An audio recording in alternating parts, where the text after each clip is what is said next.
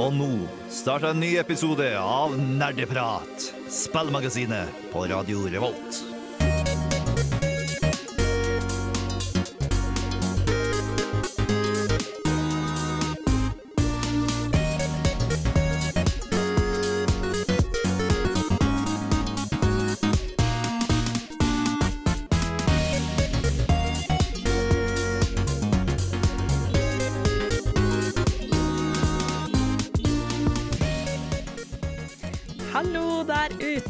Velkommen til en ny sending med nerdeprat. I dag skal vi snakke om manga og anime.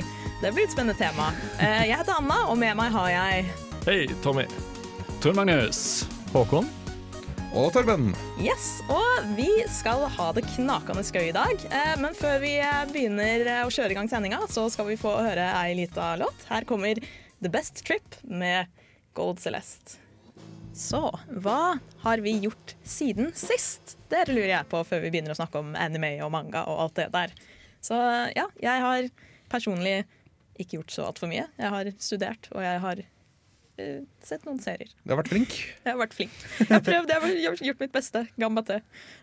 Men Tommy, hva med deg? Uh, jeg har hatt en litt dramatisk helg. Jeg klarte å svime av på jobb Nei. Eh, to ganger på samme jobbdag. Uh, på veldig kort tid mellomrom. da. Så jeg ble sendt til sykehuset og var på sykehuset i natt til søndag. Det, det gjorde jeg. Masse tid til gaming, med andre ord. Uh, nei, for jeg har ikke med PC-en. oh, det var det tristeste. Jeg lå der i sånn Det gikk hardt utover 4G-en. Det er det viktigste. 4G-en. Ja, De, de ga deg ikke Wifi engang? Jo, jeg hadde uh, tenker var at jeg skjønte ikke noe av hvilket wifi jeg skulle på. Og så var jeg sånn, jeg, jeg er så sky av meg, så jeg tør liksom ikke å spørre Hvilket wifi Hva er wifi-passordet, liksom? Jeg, jeg, jeg, var liksom jeg, jeg gjør allerede nok mot dere, liksom. Jeg er her, og det, det er nok for meg. Men det går bra med deg nå? Det, det går bra med meg nå. Eh, det var lavt blodtrykk, kom de fram til. eh, men jeg må gå med De skal sende en sånn greie, en sånn lapp som sier at jeg må gå med hjertemonitor i to, da, to døgn hjemme. Okay. Eh, fordi å overvåke hjertet.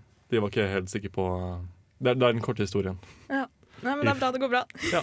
Hva med Ja. deg, Tor Magnus? Jeg tror ikke jeg kan toppe den, liksom. Jeg har Det er ikke konkurranse, da. Dere. jeg har ikke svimt av. Jeg bare, altså, mitt høydepunkt i dag var at jeg laget en veldig skittig spagetti. uh, og det er egentlig alt jeg kan stå for i dag. Uh, så mitt liv er fylt med fart og spenning, som vanlig. Uh, og ellers mye Dark Souls når jeg prokrastinerer på bachelorskriving. Jeg får eh, tilbakeblikk på den derre Torchema spagett-memen. jeg elsker den. Somebody Som- touch my spaghetti! Elsker den eh, memen.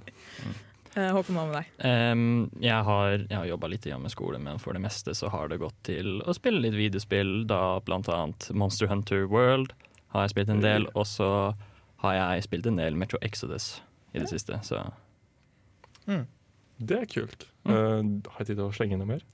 Ja, Vi må høre litt hva Torben har gjort Ja, siden sist. først da. Ja, men Det går helt fint, for jeg har ikke gjort noe særlig. Jeg, jeg, jeg har vært flink, jeg òg, liksom. Du har vært flink. Eller, eller jeg har fått tilbakemelding fra veileder om at jeg, jeg må ta opp tempoet litt på masteren min. Men, uh, så nå har jeg begynt å være flink, da. Åh, det store mastermonsteret. Ja. Men uh, Tom, hva var det hva var det du skulle si? Uh, jeg har prøvd et nytt spill som heter A Dance with Between or with uh, Dragon and Nei, Fire and Ice. Fire and Ice. Nailed it! Er det, er det Game of Thrones-relatert? Nei, Fire and Ice? ikke litt engang. Oh, ja, OK. Eh, det er et rytmespill eh, oh, som er kjempe, kjempekult og kjempenice. Dance of Fire and Ice. Fire, jeg kan prate. Dette klarer jeg. Eh, nei, men det er et rytmespill hvor du basically er to kuler. eh, og så mm, er den ene blå og den andre rød. eh, selvfølgelig Fire and Ice. Og så skal du bare treffe eh, blokker, på en måte. Eh, det er jo ikke noter, akkurat, men eh, du skal bare treffe takta. Eh, så det er bare kjempechill, og så bruker du bare én knapp. Så du sitter bare og trykker space eller hvilken annen knapp på PC-en du velger. Og bare Men gjør det det med begge kulene, på en måte? Eller er det noe begge Ja, begge kulene. Fordi den ene går på en måte over Den den ene lander på, pla på plattformen, og så går den andre rundt, og så neste plattform okay. så det har vi gjort siden sist. Eh, vi skal få litt nyheter, men før det skal vi få høre 'Take Me To Your Planet' av Lill Hanma. Nerdenytt. Yes, vi har jo som vanlig litt nyheter å by på fra nerde, nerdeverden. Mm. Og Håkon, take it away. Ja. Eh, vi har faktisk en del artige nyheter denne gangen her. Og jeg tenker jeg kan starte med min personlige favoritt, som har gått litt rundt på internett i det siste. For det kommer jo snart en ny filmadaptasjon av en veldig kjent spillmaskot, som vi alle er veldig glad i. Med Oh no. Sonic the Hedgehog. Og det har jo kommet ut noen par bilder på internett om hvordan denne filmen, hvordan denne maskoten kanskje kommer til å se ut i filmen. Ja, ehm, fordi På det første bildet som lagt ut, så så du bare på en måte silhuetten hans, og alle bare å nei. Ja. Eh, Tegnet hvordan de så for seg det ville bli, men nå har de fått et faktisk en avdukning. da. Ja, det virker som at bildene til, av Sonic til den oppkomne Sonic-filmen har blitt lekket på internett. Og internett har reagert ikke så veldig bra, for å si det mildt. Med avsky. Ja. Åh. Altså, um, bare om du ser på hendene hans, liksom. Det ser hen, Hanskene hans er på en måte en del av kroppen hans. Ja, hvordan ser han ut? Um, ja, det Vi kan Det er litt vanskelig å beskrive. Han er blå, Ja, Han er veldig hårete. har. Nike-sko. ja han, han er ganske hårete, og så Nei, jeg vet ikke. Øya hans er ikke en del av uh, Det er veldig Uncanny Valley, kanskje. Fordi, at, eh, fordi han er veldig eh, De har på en måte prøvd å gjøre realistisk tolkning av han. Eh, Ikke, ikke helt der i, Poco- i eh, Detektiv Pikachu-stil, men eh, det, jeg syns ikke det er så altfor langt unna, egentlig. Ja, for det er en live, er en live action eh, adaptation. Ja. Oh boy. Jeg ser for meg at De bare, de kunne tatt et lite pinnsvin og bare spraya det blått, og så kunne de hatt den søteste filmadaptasjonen på den måten, men ja ja. Har vi noen flere Um, Nyheter? ja, nå har vi egentlig Vi har jo også en helt forferdelig nyhet, sånn egentlig.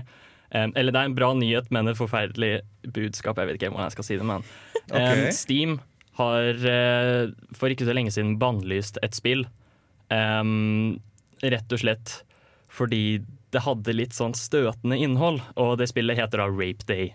Oi da. Å, fy. Em, OK.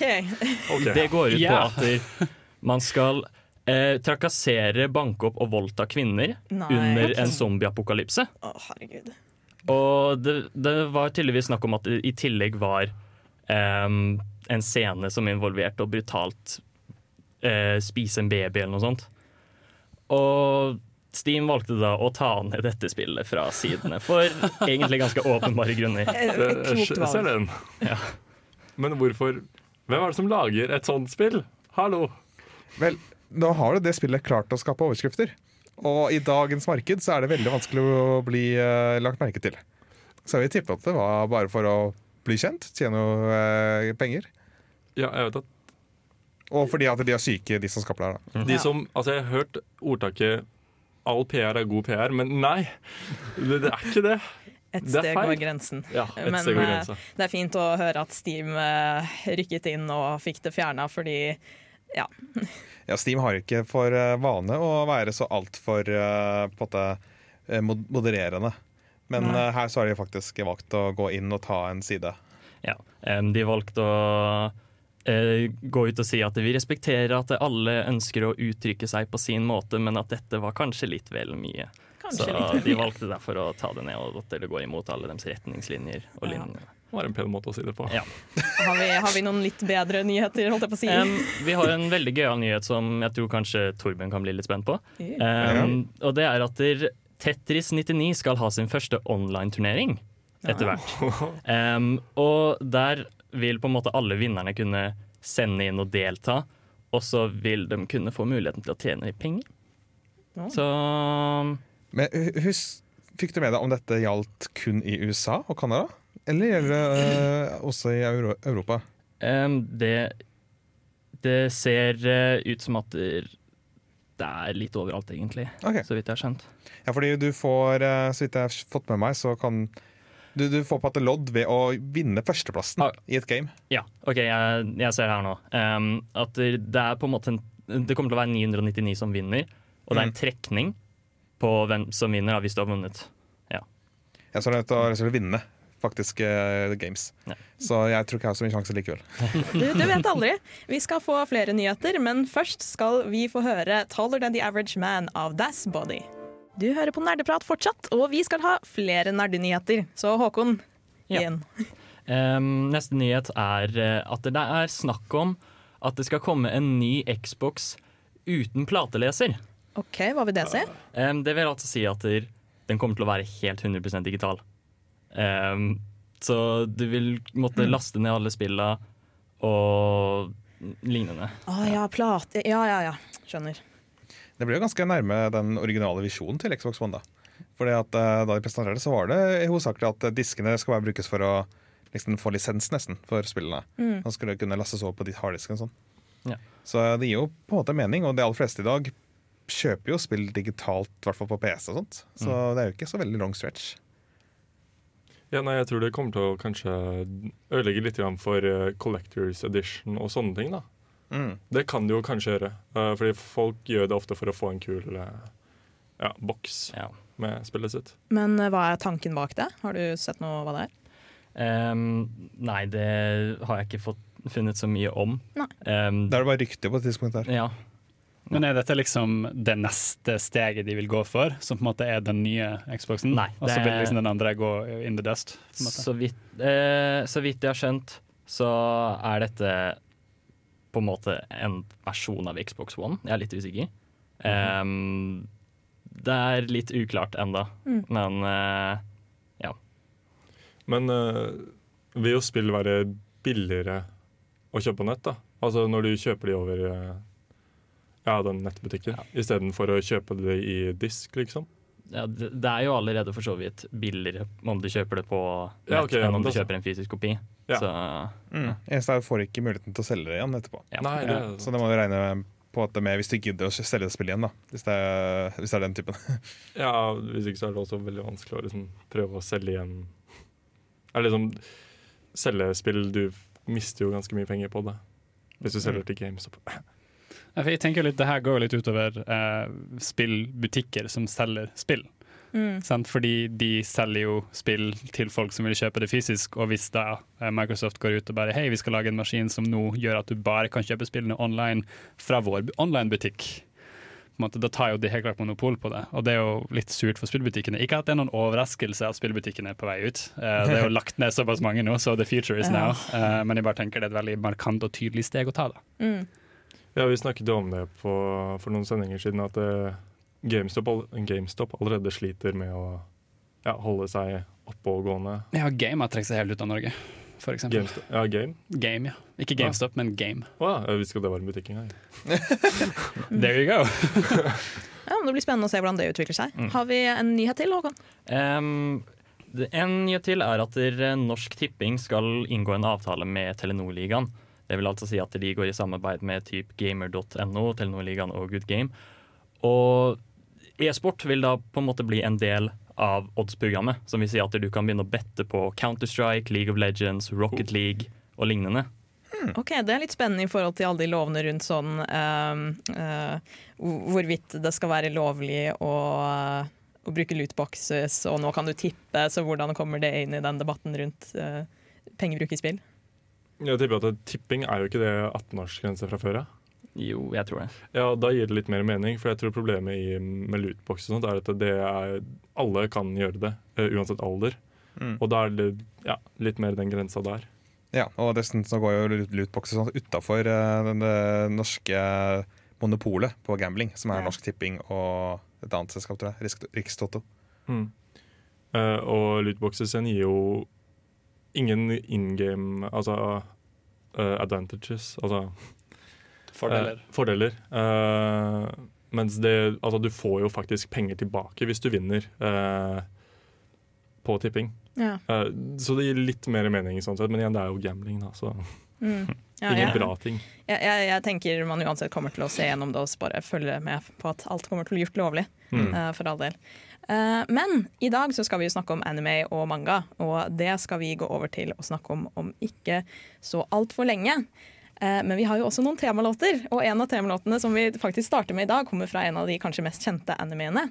Uh, Cowboy Bebop. Jeg vet ikke om noen av dere har sett det? Kan ikke si jeg hørte på det. Det, det skal vi snakke litt om, om siden. Eh, men nå skal vi altså få høre det som er introlåta i Cowboy Bebop. Her får du Tank av Yoko Kano. I dag så skal vi snakke om anime, men også litt om manga. For det er forskjell på de to. Så jeg tenkte vi kunne starte med manga. Hva er det? Hvor kommer det fra? Hvordan oppsto det? Og hva kjenner vi til rundt det? Du har lest deg litt opp på det, TM. Jeg har jo det. jo da. Eh, mest på anime, vel å merke, men jeg skal prøve å holde meg flytende på manga-delen også. For jeg kom på at det var som sagt også noe. eh, men jo, det her oppsto jo faktisk vi, vi kan faktisk gå så langt tilbake som til 1200-tallet. Faktisk 1200-tallet. Eh, altså, det er jo ikke den moderne mangaen vi, vi kjenner i dag. Uh, den er jo helt klart annerledes, men den stilen hvor du faktisk tegnet på sånne scrolls fra liksom venstre til høyre, uh, det har du faktisk helt høyre. tilbake Høyre til. Fra høyre til venstre. Hva er høyre og venstre? Uh, jeg, er liksom daterer tilbake til da, og det er ganske lenge siden. Og bare for å presisere til eh, de som hører på der ute, og bare, men hva er manga? Manga er japanske tegneserier. ja, riktig. Eh, Bokformat-tegneserier, altså. Ki- Kinesiske tegneserier, er det ikke? Japansk. Kine... Ja. Japansk, i hvert fall i denne sendingen. Eh, både kinesisk og koreansk også har sin egen greie. Men, men Eh, At det kalles noe litt annet. Ja, for manga tror jeg er det japanske ordet for tegneserie. Ja. jeg. Mm. Ja, ikke sant. Men ja, det startet allerede i 1200-tallet, og da begynte man At det startet at man Liksom, leste for, fra høyre til formelen venstre. startet der, på en måte. Liksom Hvordan du leser fra høyre til venstre, og, og den type måten å tegne hva skal si, comics på. da. Ja. Uh, men selve manga-begrepet kom ikke opp før lenge lenge, lenge etterpå. Jeg bare ser for meg hvor lang den skolen har vært. Og så må du bare liksom gå bortover gulvet og bare Å ja, nå er jeg her borte. OK. Kanskje den første mangaen var sånn, sånn helleristninger, på en måte. Bare liksom at du gikk inn i en hule, og så bare så du manga på veggen. Ja, for det ligger på at I ordet rull, eller scroll, så det, Ja. ligger det at det ruller den, og så kan du rulle ut på en til neste seksjon. Da. Så slipper du å ha den hele gulvet ned. Men har eh, vi her i rommet lest manga? Det har jeg personlig, skjønner du. Helt fra jeg var liten. Oi, faktisk. Yes. Jeg, jeg begynte som en, en liten tegneserieinteressert jente som vokste opp med Tintin og Asterix og sånn, og så hadde vi et lokalt bibliotek i Drøbak, der jeg er fra, der jeg en vakker dag så en tegneseriebok hvor jeg oh, dette så interessant ut, det er kule farger på forsiden. Og så bladde jeg opp i den, og så Men Slutter den med en gang? Og, nei, vent, du leser fra andre siden av boka! What? Sånn mind blown gif. Uh, så jeg vokste opp med uh, Dragon Ball. Uh, leste også litt Naruto og sånn etter hvert, men særlig Dragon Ball da, var den første mangaen jeg leste. Uh, Eggmont kom jo ut med ganske mye manga for det norske markedet uh, ja, da vi var unge. Jeg vet ikke. Uh, nå er jeg snart 27, så det er en stund siden for min del. Men det var jo mangaer som Naruto. Eh, det kom vel også en god del Onepiece. Ja. Mm. Eh, og så kom det en god del sånne jentemangaer som eh, sånn Time Stranger Kyoko. Eh, det er noe som kommer sånn, at the top of my mind. Og Gravitation, som er en, mer sånn, som handler om en gutt som innser at han er homofil. Ah. Som, eh, som for så vidt var interessant. Uh, vi kommer ikke på så mye annet akkurat nå. Uh, jeg leste faktisk en del eh, Jeg kom ikke på det før nå, men jeg har faktisk lest en del sånn Onepiece og Mm. et eller annet med en eller annen King. Jeg er ikke sikker på hva mer han hadde etter det navnet, men King et eller annet. Og så leste jeg for så vidt litt uh, Death Note også. Ja, Ja, det har kommet. Ganske Ja. forskjellige sjangre, det der. Ja, jeg også har lest Death Note, men det er det eneste mangaen jeg har lest. da. Mm. Mm. Fordi Death Note eh, handler jo om uh, Light Yagami, en vanlig tenåringsgutt som egentlig ikke er så vanlig, han er mer psykotisk. Finner en bok hvor hvis han skriver ned navnet til folk, så dør de. Og så skal han rense verden for ondskap. En Mm. rolle han tar på seg med glede. Ja. ja.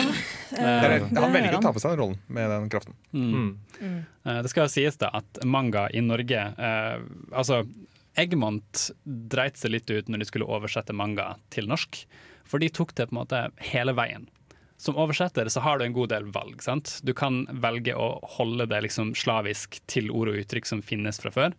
Eller du kan oversette de og finne norske equivalents, sant? eh, tilnærminger som funker. Eh, og Eggmont gikk hele veien. Eh, for eksempel du som har sett Naruto. Sant? Du vet jo at Neji fra Naruto har en evne som man kaller for byakugan, hvis jeg husker riktig. Ja. Eh, hvor liksom øynene hans blir hvite, og han kan se på en måte alt rundt seg. Og du kan liksom ikke lure han på noen måte da, hvis han kan se det. Dette oversatte Eggmont til hvitøye. Hvitøye. Ja. Hvitøyeevne nå. Og det slo ikke så bra an med fansen, så den, den mangaen døde ganske fort eh, på norsk. Ja, skjønner. Eh, men eh, Eh, Naruto det er jo noe som gikk fra å være svart-hvitt eh, tegneseriemanga til å faktisk bli en animert eh, tegneserie du kunne se på TV, som ble verdenskjent. Og Vi skal snakke mer om anime, men før det skal vi få høre eh, en låt fra en veldig kjent anime. Vi skal få høre Deja Vu fra serien Initial D av Dave Rogers. Eh, vi har nå snakket bitte litt om manga, men hoveddelen av sendingen i dag går til anime, som er eh, animerte tegneserieversjonen av manga. Eh, og hva har du å si om, om historien bak det? det? Beklager, jeg er bare så gira av déjà vu akkurat nå. Jeg tenker bare på multitrack drifting og sånne ting. Eh, skal vi se. Tilbake til jordoverflaten. Jo, anime. Eh, det kan dateres så langt tilbake som eh, begynnelsen av eh, 1900-tallet. Eh, det var ca. da, liksom før andre verdenskrig, det var i gang. Men det har jo tatt seg stort, ganske stort opp etter andre verdenskrig, slik som vi kjenner det i dag. Eh, det som på en måte har gått verst utover anime i Japan, er jo på en måte at de hadde to økonomiske kriser sånn opp gjennom 50- og 80-tallet og forbi der, tror jeg, som rammet animeverdenen veldig hardt. F.eks. For eksempel firmaer som Akira, som vi kjenner Ja. til her, som er råe. Den gjorde det egentlig ikke bra i Japan i det hele tatt. Det var okay. først eh, senere, når den kom hit, at den slo veldig bra an. Samme var det med Cowboy Bebop. Den gjorde det heller ikke så bra i, eh, i eh, Japan, men har blitt en av inngangsportalene til Vesten inn i, i, i anime. Så mange av de som ikke gjorde det så bra, fikk eh, kultstatus på en måte da, etter hvert, og, Ja. og ble anerkjent i etterkant. Sånn som mange store kunstnere blir etter sin død. Ja, men her var det ikke snakk om det samme, da. Men det tar litt tid, liksom. Ja.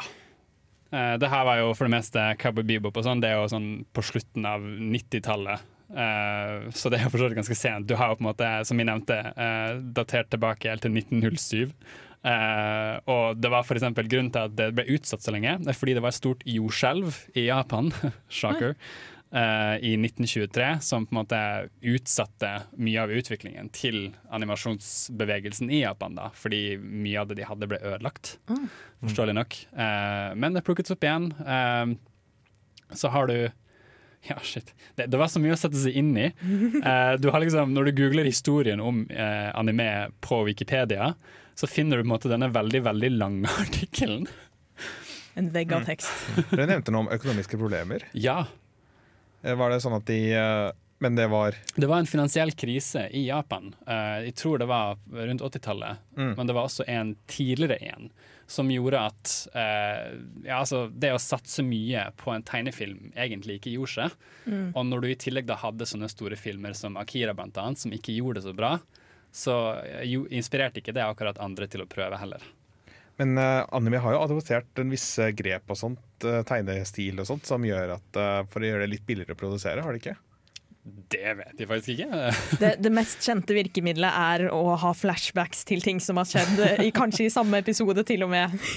Gjerne før du skal lede opp til episoder hvor det, det kreves ganske høy animasjonskvalitet. Men jo, du har rett, Torben. De, de har en del triks. Ja, for de tar også gjerne og når de animerer, så er det ikke så liksom ikke alle stegene på veien eh, av en animasjon som du har med, men du har gjerne noen få key uh, nøkkel eh, eh, hva skal jeg si, positurer, på en måte, Ja. Så er med. Mm. Sånn at eh, det er på en måte litt sånn stakkato, eh, på en måte, men det ser faktisk bra ut. da Ja. Fordi du har på en måte de overdrevne positurene og sånn. Jeg husker jo sånn som i Naruto, eh, den, den første serien, så ser det jo veldig godt at de har animert veldig lite, men de bruker mye samme type animasjon om igjen og om igjen. Sånn som når de driver hopper i disse trærne, så er det bare de samme trærne i sånn ja, 30 sekunder, og så bare, har de bare putta på en person akkurat i den delen, og så hopper de videre framover og snakker kanskje litt samtidig, liksom. Og det er samme bevegelsen gjennom hele greia. Det er jo en kjent sak i dag at det er veldig mye press på folk som jobber innen anime-bransjen som animatører. Eh, Veldig hardt arbeidsmiljø, lange arbeidsdager, særlig fordi de får mye press på seg til at ikke bare skal eh, animasjonene se bra ut, eh, det skal være veldig høy kvalitet, det skal ut fort. De må nå tidsfrister for når hver episode skal komme ut. Eh, Og det, det, det er mange utslitte animatører i Japan, altså. Dessverre. Det gjør det. Og jeg synes det morsomste som de faktisk setter skikkelig stort press på, er det å kunne animere fin mat. Not. De, Jeg har tenkt så mange ganger at anime-mat det er, Sånn i Ghibli-filmer, for eksempel, som vi skal komme tilbake til senere.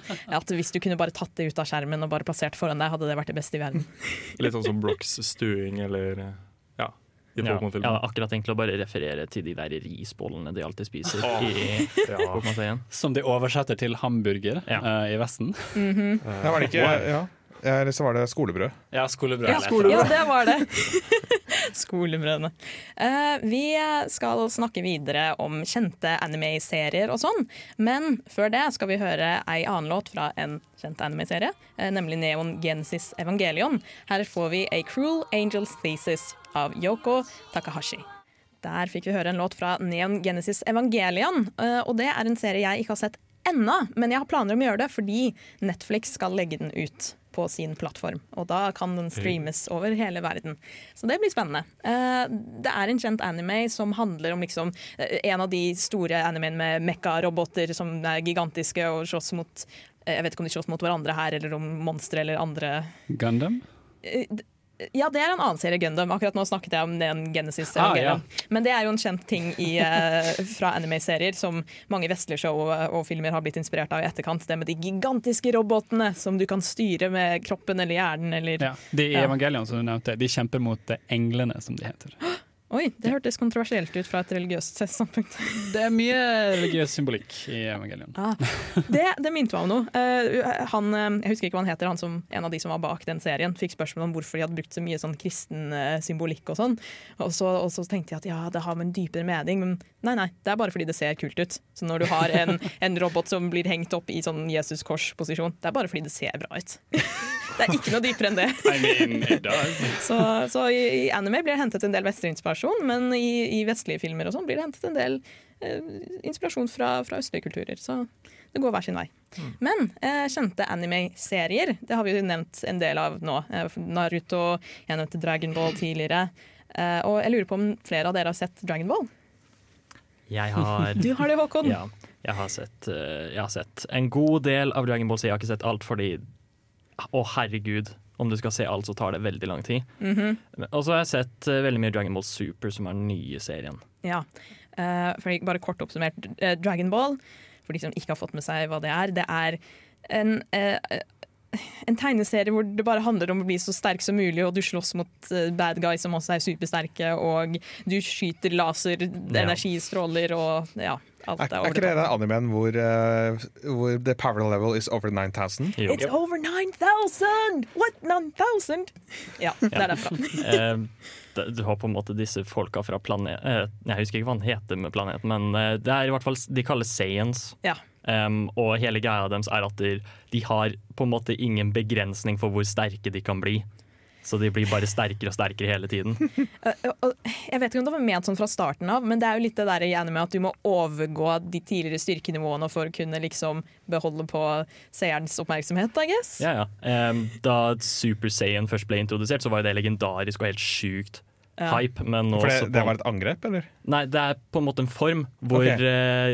Eh, kraft, power-levelen din øker eksponentielt, liksom. Det er basically at du får en sånn eh, glødende aura rundt deg, og håret deres seien som vanligvis er svart, blir gult, og så De, de leveler opp, uh, utrolig, basically. Um, Over 9000. Men nå har du liksom Du har Super Saiyan 2, du har Super Saiyan 3, du har Super Saiyan God, Super Saiyan God, Super Saiyan osv. Ja. Så, videre. Ja. så det er ikke noe spesielt. Det er akkurat inflasjon, rett og slett. Ja, det er rett og slett. inflasjon. Og sånn eh, kraftinflasjon det er noe som går igjen i f.eks. også Naruto. Som I starten så er det sånn du, Naruto er liksom en, en, en ninja under trening.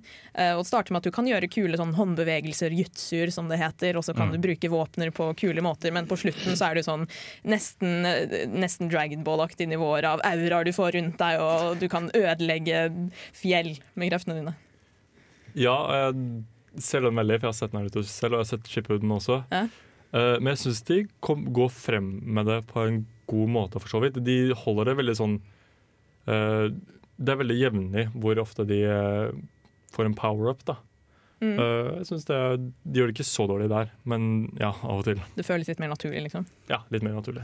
Litt artig dere nevner dette med power creep. eh, fordi jeg husker Jeg har sett litt på anime før da jeg var yngre. eh, og denne ene episoden av Naruto som jeg husker, var at de kjempet at noen av de kjempet mot kloner av seg sjøl.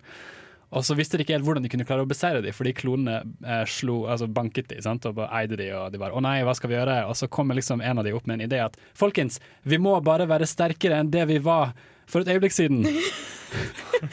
Brilliant idea!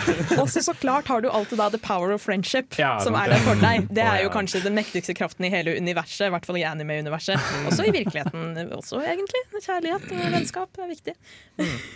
Men det er vel eh, Det er jo ikke den eneste typen eh, anime som finnes, er det vel? Sånn eh, Nei, hvor, nei, kraft, nei. hvor alle skal måle styrke. Det er det er spesielt shonen-type. da Shonen er jo da manga som er ment for gutter, kontra eh, shoujo som er ment for jenter. Ja, for det er ofte mye mer romantisk da, at du har kanskje to skoleelever som finner hverandre. og liksom eh, Veldig mange sarte øyeblikk også i anime, for all del. Mye av de stille øyeblikkene, så det er ikke alle som har fokus på action, action, action hele tiden.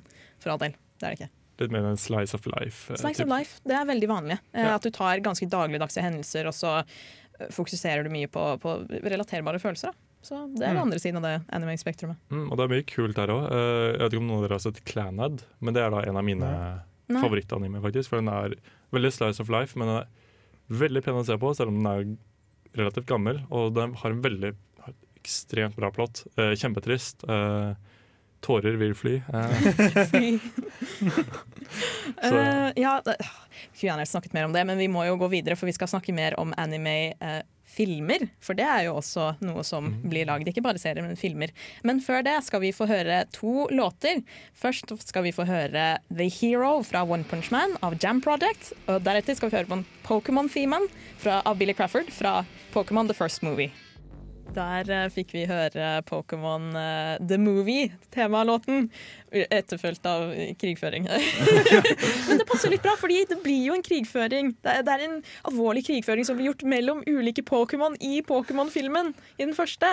Og det, da jeg husker da jeg var liten og så det, så var det ganske emosjonelt og alvorlig. Og så så jeg den på nytt uh, for ja, noen år siden, og da, da var det ikke så, så alvorlig, men fortsatt litt trist, da. Men skal de ikke remake den filmen nå? Jeg tror det er noe sånt. Den første? Um, ja, de skal eh, remake hele filmen i 3D. Så vi kommer til å få en 3D-versjon av den aller første Pokémon-filmen. Som i stereoskopisk 3D, eller i forskjellige lagdybde? Eller er det tenkt 3D-modeller? Ja, Liksom? det er 3D-modeller. Det er på en måte litt sånn Clay-figurer, nesten. Å, det er kult, da! Så ja. Nå vet jeg ikke om det er Pokémon vi skal snakke om spesifikt akkurat nå, men, men, men skal vi snakke om den første filmen, så kan vi snakke lenge. For jeg håper de tar med den halvtimen som Four Kids bare klippet ut når de tok den med til Vesten. Det er sant, det var ikke jeg klar over før du nevnte det her om dagen. At det, det- de slaktet den filmen når de skulle oversette den. Altså Ja. Apropos oversettelse, ikke gjør som Four Kids. Og Four Kids er Men notorisk. de gjorde også De lagde Pokémon-melodien. Den var Ja. ikke med i japansk eh, versjon. Det var på en måte ny som de lagde som sin intro. Da er de umiddelbart tilgitt for alt de har gjort siden. Nei, de er ikke det. Det er de. Jeg setter ned foten. Det Nei, de er ikke det. Jeg tar opp foten. Den, den kan vi ta siden. Men jo, Pokémon-filmen. Jeg skulle gjerne snakket lenge om den, men det er særlig ett selskap når det kommer til uh, anime-filmer som jeg vil trekke fram, og det er Studio Ghibli. Jeg håper, jeg tror og håper at alle vi, og også dere som hører der ute, har sett i hvert fall én Ghibli-film. Ja, jeg tuller du? Hvis ikke, så blir det ja. intens uh, introdusering til Ghibli, altså. Eh, Min første, som jeg så, det var House Moving Castle. Som er basert på en, eh, en vestlig skrevet uh, fantasybok, faktisk. Som, um, som ble nydelig animert på typisk Ghibli-vis. Fordi Studio Ghibli er jo kjent for filmer som Spirited Away, House Moving Castle, Princess Mononoke, uh, Grave of the Fireflies. Shihiro Ja, og heksene. tolv. Shihiro-heksene, ja, på norsk. Det er Spirited Away. Min venn Ok. Toro. Min venn Toro, ja. Ikke sant? Eh, deres første film uh, het Laputa, 'Castle in the Sky', ja. som kom ut i 1986. Uh, som ble ganske stor etter time. Den ble veldig populær i Japan. Ja. Uh, så Ghibli de fikk medvind med en gang. Men hva er det som gjør at Ghibli er så elsket? Jeg tror bare generelt uh, veldig mye av uh, måten de forteller en historie på Ja, generelt liksom de forskjellige historiene de forteller. Sånn, det er veldig mye overnaturlig, det er, men samtidig bringer litt sånn slice of life. Og så har jeg jo litt rykter om at det kan være hvordan de animerer mat. Ja, fordi vi nevnte jo det med at anime trenger ikke bare være power-ups og sånn, det er også slice of life, da. Eh, og Hayao Miyazaki, som er en av de største navnene bak Studio Ghibli, han sa jo blant annet at det var flere ting han fokuserte på i filmene sine. Det ene var å ofte fortelle det gjennom barns øyne. Ofte altså unge jenters øyne. Han ville at det er for øvrig eh, litt utenfor dette, men det er han som har kommet med sitatet 'anime was a mistake'.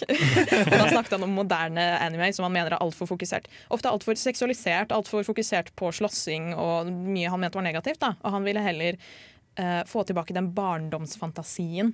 Følelsen av det. Er det Ghibli som har Wolf Children? Ja, jeg tror det er en av deres nyeste filmer. Ja. Mm. Dritpen. Når jeg, når jeg tenker på Studio Ghibli, så får jeg litt sånn assosiasjoner til Disney, egentlig. Ja. I den forstand at Ja. Disney lager filmer som eh, kan ses både av barn og av eh, voksne. Ja. Og begge vil på en måte føle å få en del ut av det. Mm. Og det har på en måte litt den barnlige eh, ved seg, på en måte. Ja. Med Litt, litt sånn nos- nos- nostalgi også. Mm. Så jeg lurer på om det er de, de toucher innom noe av de samme på en måte, formlene, nesten. Mm. Ikke formlene, men Eh, ja. Wolf Children er ikke av Ghibli, men av Studio Chizu. Ok. Ah, okay. fordi det er sånn som du har Souls-like-spill, så er det også Ja, mange som sammenligner all, Eh, eh, animert nei. film med Ghibli. Men herregud, det er en vakker film. Uh, Mm. Ja, for det er jo en ting som kjente deg mye i Ghibli, tenker jeg. Det, det er vakkert.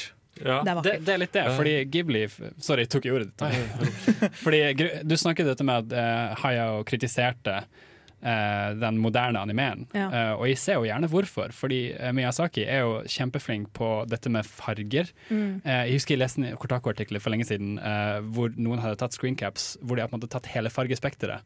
Eh, og det var så vakkert. Fordi Mm. du, du ser liksom hvordan han bruker disse virkemidlene eh, til, å, til å få frem eh, det vakre i filmene sine. Som gjerne Ja. moderne anime ikke gjør. Mm. Ja, nei, men sånn som Du har jo Wolf Children, som er en relativt moderne laget anime. Sånn, ikke mo mo- moderne laget i form av historie og sånne ting, men i form av liksom eh, animasjon. Og jeg, sa jeg trodde gresset der var ekte. liksom. Sånn, Hvordan fikk de til den fargeløsningen? liksom? Mm.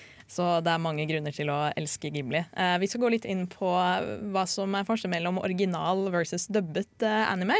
Men før det skal vi få høre en nydelig låt fra en Ghibli-film, nemlig Half Moon Castle. Her får vi Merry Go Round of Life av Joe Hisaishi. Og der fikk vi høre 'Mary Go Round Alive' fra House Moving Castle. Eh, det var jo den første Ghibli-filmen jeg så, og jeg er bare helt forelsket i hele låtsporet der. Det er veldig sånn valtsinspirert og nydelig. Generelt, uh, Studio Ghibli-filmer har helt fantastisk lydspor. Det er absolutt noe å anbefale. Sjekk det ut på YouTube eller Spotify hvis det er der. Mest YouTube, kanskje. Eller se filmene. Se filmene først. uh, men når det kommer til Ghibli, er det noe jeg aldri ser på engelsk. Jeg ser aldri dubbene, jeg ser alltid originalsporet. Men det er jo ofte en debatt av det når det kommer til anime. Kanskje ikke Studio Ghibli, men andre typer anime. Hva er best? Original japansk uh, voice acting eller engelsk dubbing? Kommer litt an på uh, vil, hvor god dubben er, Mm. Rett og slett. Uh, I syvende og sist oftest så vil jeg si at uh, for min del så er det den originale, de originale stemmene som er best. Men det er noen dubber som virkelig har, har gjort seg fortjent til å bli best der òg. Hvilke da? Hvis du trekker jeg må si Death Note, Ja. som, og andre òg, men Mm. kanskje andre har noen andre. Eh, ja, det syns jeg også bare er veldig artig, siden eh, det finnes jo også de som, der ute som er purists, og som på en måte må se det på original tale. Så Mm. jeg har veldig mange venner som absolutt anbefalte meg at du må se det på ja- japansk da jeg skulle se Death Note, fordi dubben er forferdelig. Hvis du ser det på engelsk, så dør du. Ja, men ærlig, ja, jeg så det igjen, og herregud, jeg skjønner ikke greia. Det var jo veldig bra dub. Hvilken, hvilken serie var det, sa du? Death Note. Oh, Death Note, ja. ja. Ja. Mm. Det har jo mye, som du sier, Tommy, med dette med om, om dubben er bra eller Ja. ikke. Eh, og jeg tenker også litt sånn som hun kom inn på her, eh, hva du foretrekker har også mye å si, men også litt med hva du ble eksponert for først. Mm. Har også veldig mye å si. Eh, for eksempel, vi har jo mange av oss her vokst opp med Pokémon-animeen, Ja. eh, som ble vist eh, 1997 først i Japan, og kom til Vesten og ble en stor suksess. Eh, lever i dag. Eh, og den så vi på norsk. Eh, jeg har jo på en måte gått og sett noen episoder på engelsk i etterkant. Og til og med japansk òg. Mm. Men det er ikke helt det samme. Den norske dubben er best. Nei. Ja, ikke sant? Det er sånn- Skal du se gamle Pokémon. Som, som jeg har gått tilbake og sett første sesong av i senere tid, så er liksom, det må være på norsk. Ja. Professor Oak høres ikke riktig ut på noe, noe annet enn norsk. Og det, så- jeg synes det samme er litt sånn, sånn Jeg tenker også bare sånn, kaster det ut her Disney-filmer også sånn Folk gir meg kjempemye kjeft hver gang jeg sier at jeg vil se det på norsk. Riktig å se det på norsk! Ja, der er jeg enig, for det er det du har vokst opp med, så Ja. du får den nostalgien. Eh, men folk kan bli veldig irriterte også, særlig YouTube-comment-felt, eller ja, som vanlig. Hvis du sier at 'nei, jeg foretrekker det på engelsk', bare 'hva? Hvordan våger du? Du, du er ikke kulturert, ditt svin!' Ja. Litt poenget jeg kom på nå, er jo at eh, vi i Norge er kanskje i større grad vant til å lese undertekster. Så da tror Ja. jeg kanskje at vi har en lavere terskel for å se originalen og så lese undertekstene for å forstå, fordi vi forstår ikke japansk, flest av oss. Ja. Mens uh, i USA og sånt, så er man jo vant med å på en måte få dubba eh, alt som kryper og går av filmer og serier. Så kanskje de har litt større terskel der for å kunne få med seg originalen. Det du sier der med undertekster er veldig viktig, fordi mange bruker begrunnelsen til at de ser på dub, uh, fordi at de egentlig ikke orker å drive og lese undertekster mens de skal følge med på plottet i det som skjer. Mm. Uh, og det er et veldig forståelig argument. Det er veldig forståelig. Eh, jeg hadde si, og jeg skjønner dem veldig godt. Eh, jeg har lært meg å lese. Oh, shots fired! Men eh, jeg tror også veldig mye av forskjellen på det er uh, hvor mye innlevelse uh, disse stemmeskuespillerne har. Ja. Fordi i Japan så har de sinnssykt god innlevelse i det de gjør. Helt sikkert fordi de får er det noe betalt godt. Uh, ja, men det Det har- kan jo engelske også ha. ja, for så vidt. De kan ha det, men de gjør ikke alltid. Det er jo litt sånn tilfelle da, De fleste merker at japanske serier har det, og at det har vært ma veldig mange uheldige dubber på engelsk. Men det å dermed si at det ikke er noen bra engelske dubber, er ikke bra, for det er det. Mm. Jeg vil da bare kaste på eh, som et prima eksempel av innlevelse i engelsk dub, Dragon Ball. hvor eh, folka står og skriker ja. på toppen av lungene sine. Ja. uh, ja, eh, det, det, det kan jeg si meg enig i. Der har du rå kraft og innlevelse.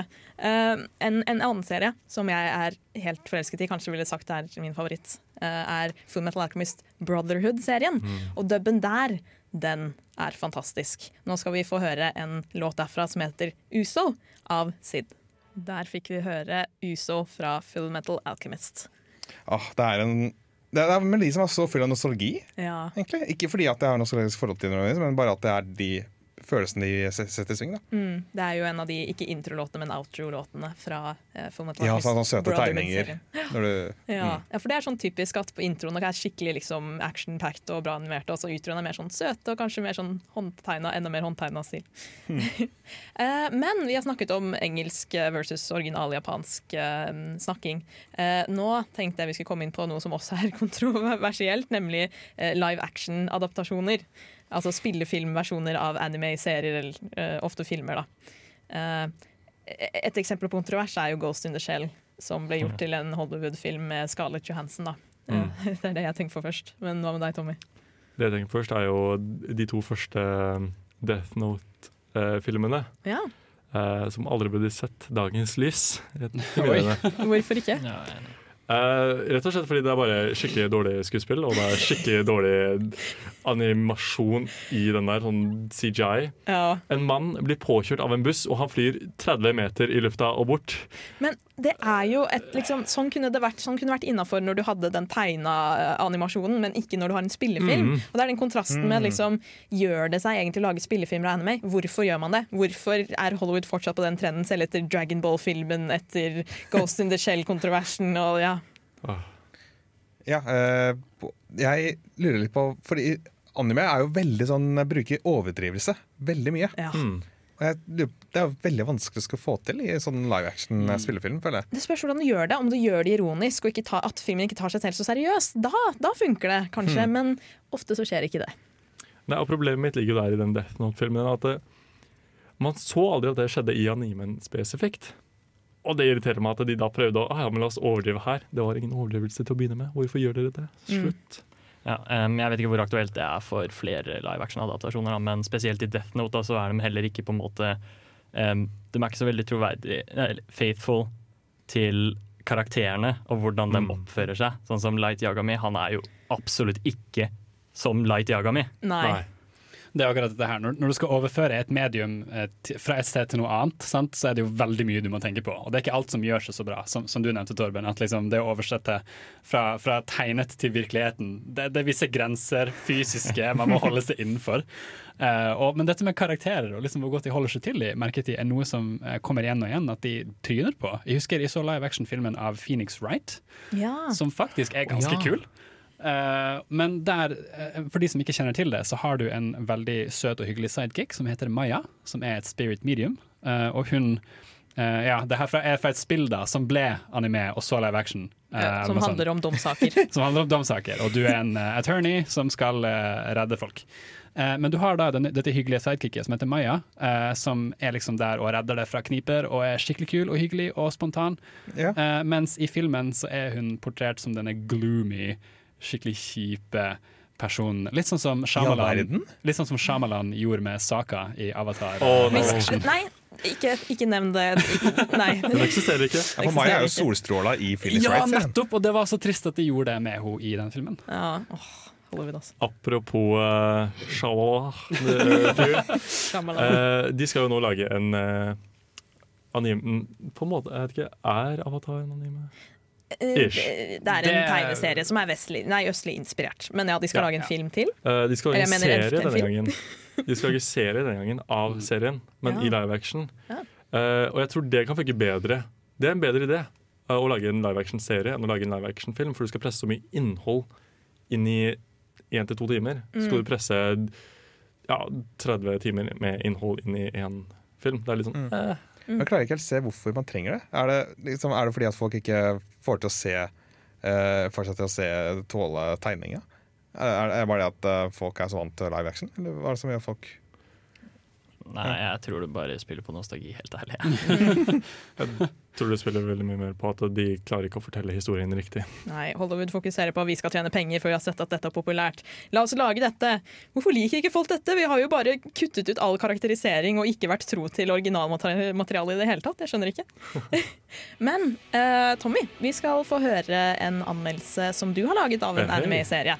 Og før det skal vi få høre en låt fra en veldig kjent anime-serie som heter Attack on Titan. Her får vi The Reluctant Heroes av Hiroyuki Savano. No Game No Life er en anime-adaptasjon etter den originale light-novellen til Yu Kamiya.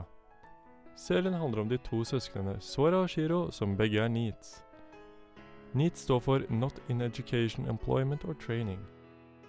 De er kjent over internett som en urban legende gjennom spill. De har aldri tapt et eneste spill og går under navnet Blank. De vil etter et møte med en gud for spill sendt til en annen verden der alt handler seg om spill. Dette høres kanskje ut som en anime Sword Online, som ganske mange har hørt om. Men jeg kan forsikre deg om at No Game No Life er på et mye bedre nivå enn dette. Og det er veldig få likheter egentlig i animen. I denne verden må alle avtaler gjøres gjennom spill. Vold og tyveri er ikke tillatt, og umulig å utføre med mindre man vedder om det via et spill. Det er ti regler for denne verden. Jeg skal ikke gå gjennom alle, for det har jeg ikke tid til nå, men to av de er nevnt. Spillere må vedde noe av lik verdi eller enighet i veddemålet. Sora Shiro ender i et ganske tidlig stadie opp med å bli konge og dronning over landet Elkia. Dette er basically landet for mennesker. Jo, nevnte jeg forresten at uh, i denne verden så har du 16 forskjellige raser, inkludert alver, beasts og andre ting. Tenkte bare du kanskje ville vite det. Sora Shiro er kjent for å aldri tape, og de har ingen unntak i denne verden heller. Dette får seerne til å slutte å vente i spenning på om hovedpersonene kommer til å vinne hvert eneste spill, men hvordan de kommer til å vinne hvert eneste spill. Det er en stor fryd å se disse geniene tenke seg frem til nye strategier, planer, hvordan de løser hvert eneste problem.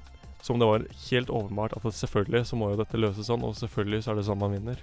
Animen er både utmerket når det kommer til handling og det visuelle. Den ser utrolig bra ut, og animasjonen og tegnestilen er kjempeflott å se på. Handlingen er utrolig bra, og holder seerne sultne etter mer.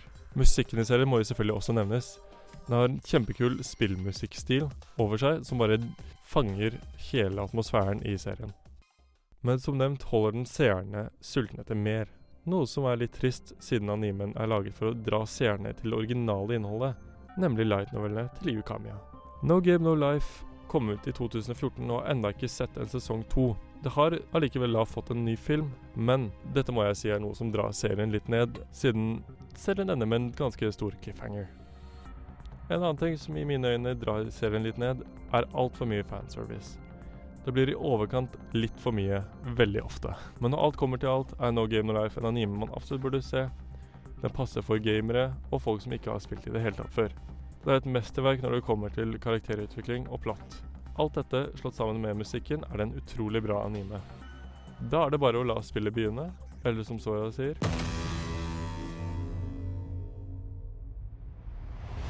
さあゲームを始めよ akkurat det samme, bare på japansk. Der fikk vi høre Tommy sin anmeldelse av No Game, No Life. Yes. Eh, og eh, det er jo noe som har gått inn i flere serier. Det nevnte du også, det er Sword Art Online. At, du har, at man skal spille spill bare i anime-serier. Ja, da er det jo hovedsakelig at du er inne i ett spill i Sword Art Online. Eh, du er i Sword Art Online. Eh, mens i uh, No Game No Life så er det veldig sånn at du Du er i en verden hvor alt dreier seg om spill, og du må spille spill. Masse forskjellige spill. Det, ikke, det, det, sånn- kan være alt fra poker til uh, tic-tac-toe, liksom. Uh, til sjakk. Så du, du kunne sett og bare se folk spille sjakk gjennom hele serien, men de har det litt mer mer jo, det, variert. det er litt mer variert. Eh, det første du ser, er jo blant annet at de Når det gjelder menneskeverden, så spiller de et uh, MMO. Ja. Uh, hvor de da generelt bare forutser alt motstanderen kan kaste på dem, og bare vinner lett som bare det. Så det er så genialt hvordan de bare De er så, de er så chille med det, liksom. Jeg har ikke sett den. Jeg kunne tenke meg å sjekke den ut uh, når jeg har tid, vel å merke. Anbefaler veldig å se den, men med det åpne sinnet at den har ikke noe sesong to. Uh. Ikke veldig sikkert at den får det, fordi eh, som sagt, Yukamiya ville veldig gjerne at det, han vil gjerne ha det eh, seerne til det originale contentet, som er da ja, Hoved- Mangaen som det er basert på, eller? Nei, Nei. light-noveller. Det er altså basically noveller som er skrevet. Altså oh, faktisk ikke bilder eller noe, men bøker. bøker. Ah, Ah. å, Eh, det er jeg er ikke helt sikker på hva det heter på norsk. skjønner du, jeg, eh, Romaner?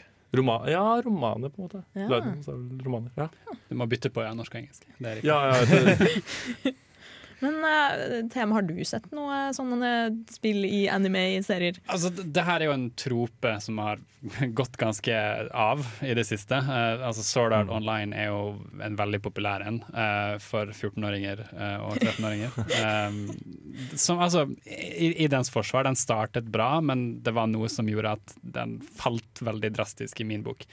Men, men, men, men jeg ble vel mer introdusert til dette konseptet uh, med liksom anime og spill, eller spill i anime, eh, gjennom en serie som heter Dot Hack. Dot hack? Eh, Ok. som startet tilbake på 2002, eller i 2002, eh, hvor det kom ut som en anime og et PlayStation 2-spill. Eh, hvor du har folk som blir fanget i et spill, men du, du vet ikke så mye om hvem de er i virkeligheten. Du bare blir møtt med dem med en gang som spillkarakterer, og de er der eh, pga. et virus som sprer seg i virkeligheten, som legger folk ned i komaer, og du får liksom se litt hvordan dette påvirker eh, folka i virkeligheten, og så må de faktisk bekjempe dette viruset i spillet. Eh, og jeg, jeg syns den var litt mer moden enn en det som kommer senere, som Sword Art Online, da, for eksempel. Det, det hørtes litt ut som en bok som også ble en film som heter Enders Game. Det med at Ja, du liksom det- må bruke spillplattformen for å løse et virkelig problem i verden. Det er litt annerledes, eh, Ja, jo, for så vidt. men uh, ja. Eh, Jeg lurer på om ikke det kan ha vært at eh, de er Altså sånne Den spill, eh, spillanime-sjangeren er jo veldig Hva skal jeg si, inspirert av Digimon, virker det som. For i Digimon så blir det barna uh, fraktet til den digitale verden. Ja, det er sant. Uh, Digimon er de beste. og det er kanskje, litt- kanskje der hvor de har fått inspirasjon fra, kan det virke som. Ja. Det, det jeg kunne tenke meg i forhold til det konseptet, da, at du har en digital verden, er å liksom se litt sånn om du får noe kritiske blikk på hva gjør denne innlevelsen at du lever i en helt digital verden med oss. Ikke sånn at man skal se på det som det er dårlig og negativt, fordi det er mange nok i vår virkelige verden som mener det, men å, å tenke litt kritisk rundt det. da. Sånn liksom, hva, hva gjør digitalisering med mennesker? Men Er det noe av det i No Game No Life, eller er det bare fokus på liksom, eh, underholdningsaspektet? Eh, veldig fokus på underholdningsaspektet, men også veldig den der du ser masse forskjellige typer spill. Ikke nødvendigvis internett, fordi det er veldig sånn, de er i en faktisk verden, sånn som vi går her nå, liksom. Ja. De er ikke en internettverden. Eh, du ser veldig li lite digitale ting, bortsett fra det de har med seg fra sin verden, som er en sånn telefon og eh, en DS ser det ut som, og litt sånne ting. Eh, men utenom det så er det veldig lite digitalt der. Uh, Mm. Ok, Så den er ikke så kritisk, liksom? Det, det er ikke så dyp? den, er veldig, sånn, den er veldig mye mer på de originale spillene som eh, sjakk og poker og litt sånne ting. Helt til de, kom, helt til de kommer litt lenger inn i serien. Mm. Eh, så den er veldig mye sånn Litt mer forskjellige typer spill som du kanskje ikke ville sett for deg. da Ikke så veldig mye digitale spill. Også masse fanservice. Uh, Altfor mye fanservice. Som jo er Eh, noe som går igjen i ganske mange anime-serier, og jeg tror det var litt av greia til at eh, Hayao Miyazaki sa at anime was a mistake. Ja. Og jeg syns jo fortsatt at uh, Norge No Life uten tvil er veldig bra, eh, selv om den har mye fanservice. Den, eh, den, den ja, gjør opp for det med veldig bra plott. Jeg kan for så vidt slenge ut en kort anbefaling nå som vi er på anime i spill. Kjør på. Og for, de som er glad i, for de som er glad i MMO-er eh, og on on online-spill generelt, så er det jo en eh, anime som heter Log Horizon, Mm. som er veldig på det mekaniske aspektet, eh, Mm. som jeg syns var kult når jeg så den. Eh, da har vi nesten kommet til veis ende, men vi skal få ukas eh, Ikke ukas spørsmål, men ukas anbefaling, tenkte jeg, i forhold til anime. Hvor vi skal si kort og godt hva, hva vi tenker er det beste, som vi vil at dere der ute skal høre. Men før det så skal vi høre eh, låta fra No Game No Life som heter eh, This Game av Konomi Suzuki. Der fikk du høre temaet Lupin the Third-animeen av Yuji Ono. Objection! Herr dommer, vi har enda ikke hørt Nerdeprats anbefalinger. Nei, eh, vi har ikke hørt alles anbefalinger. Du kommer med en gjennom, eh, gjennom anmeldelsen eh, din, eh, Tommy. Ja. Eh, men jeg lurer på hva dere, hvis du kunne valgt ut én manga eller anime eller ja, animefilm, hva hadde dere hatt lyst til at de der ute kunne fått sett, da? Eh, personlig. For å ta det kort, så ville jeg anbefalt eh, en serie vi har spilt låta av, nemlig Full Metal Alchemist eh, Brotherhood. Ikke den første Full Metal Alchemist-animeen, men Full Metal Alchemist Brotherhood. ja, Hva er forskjellen på de to? Eh, Den første begynte å bli lagd mens mangaen pågikk, og dermed gikk de tom for originalmateriale og brancha ut fra eh, handlingen i, i mangaen. Mens Full Metal Alchemist Brotherhood ble lagd flere år senere, da hele mangaen var ferdig. Er veldig kort og konsist. Eh, Kort handler det om to brødre som eh, eh, har et alkemieksperiment eh, som slår feil. De mister eh, mister ting som de skal prøve å finne tilbake. Så handler det også om borgerkrig og militærmakt og konflikter og mye. Men oppsummert i en veldig eh, konsis hand handling med bra musikk og animasjon. Så ja. Iallfall er den jeg har lyst til å anbefale. Jeg, jeg, fordi jeg skulle se filmen 'Alkymist' med mine venner på videregående. ja. Og så tenkte jeg ok, da setter jeg i gang, og så satte jeg i gang med Brotherhood. Men de hadde tenkt å se originalen, fordi du skal være sære. Oh, ja.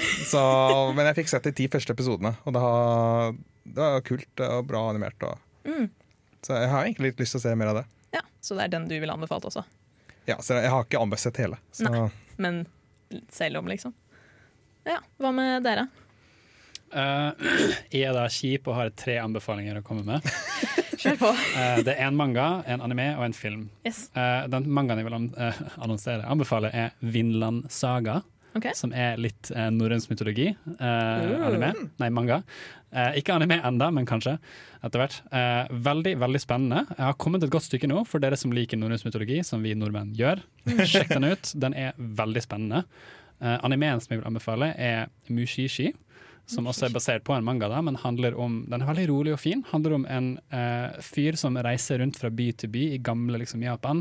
Veldig mye fokus på grønne fjell, eh, veldig rolig ambient stemning, hvor han skal kurere folk fra mystiske sykdommer påført av usynlige eh, insekter som bare han kan se. Uh. Så, og det er veldig Ja. nydelig og vakkert, eh, og den har et spesielt sted i mitt hjerte, i hvert fall. Og til slutt, den filmen jeg vil anbefale, er A Silent Voice, som handler om en jente som er døv, eh, og hennes forhold til en gutt som mobbet henne på eh, barneskolen. Og de møter hverandre igjen eh, i sånn videregående alder. Mm. Og den er veldig, veldig vakker. Det er sånn gråtefilm. Den er vel bare et par år gammel eller noe? Eh, ja, den kom ut i 2017. Ja. Eh, men den er, som mange sånne filmer er nå i dag, eh, animefilmer, er veldig veldig grafisk eh, vakre og liksom krydret. Det, er liksom så mye fint å se overalt. Mm.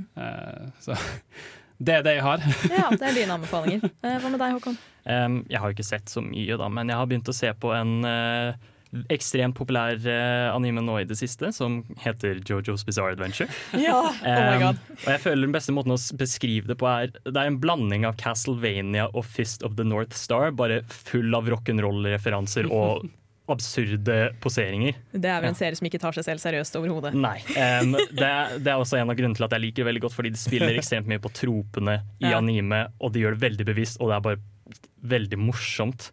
Og så, liksom, det er jo sånne eksempel sånn som hvordan han ene fyren alltid er sånn eh, De neste linje er um, Dette høres veldig gøy ut, det her burde jeg se.